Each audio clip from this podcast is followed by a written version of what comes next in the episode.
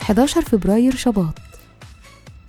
برج الدلو أكواريوس كل سنة وأنتم طيبين. صفات العمل البرج المخترع العالم الصديق الثوري وغريب الأطوار. الكوكب الحاكم لا يوجد. العنصر الهواء. الطالع في يوم ميلادكم. رحلة الحياة. ما بين سن تسع سنين وتمانية وتلاتين سنة حساسيتكم بتزيد ورؤيتكم بتتحسن وكمان خيالكم وأحلامكم وأفكاركم وحياتكم الاجتماعية. أما بعد سن التسعة وتلاتين فبيزيد احتياجكم للمبادرات وبتبقوا أشجع ومباشرين أكتر في علاقاتكم مع الآخرين.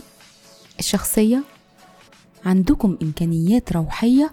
وإحساسكم صح؟ وبتستفيدوا جدا لو اشتغلتوا على الجزء ده في طبيعتكم.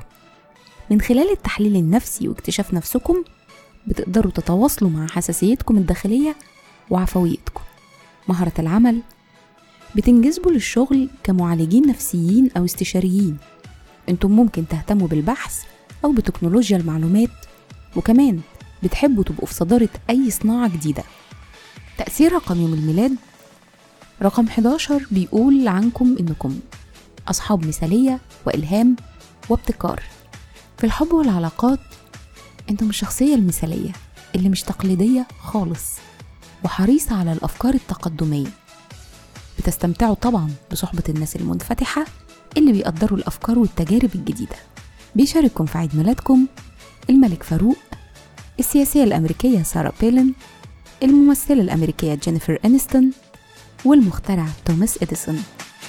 وكل سنة وأنتم طيبين.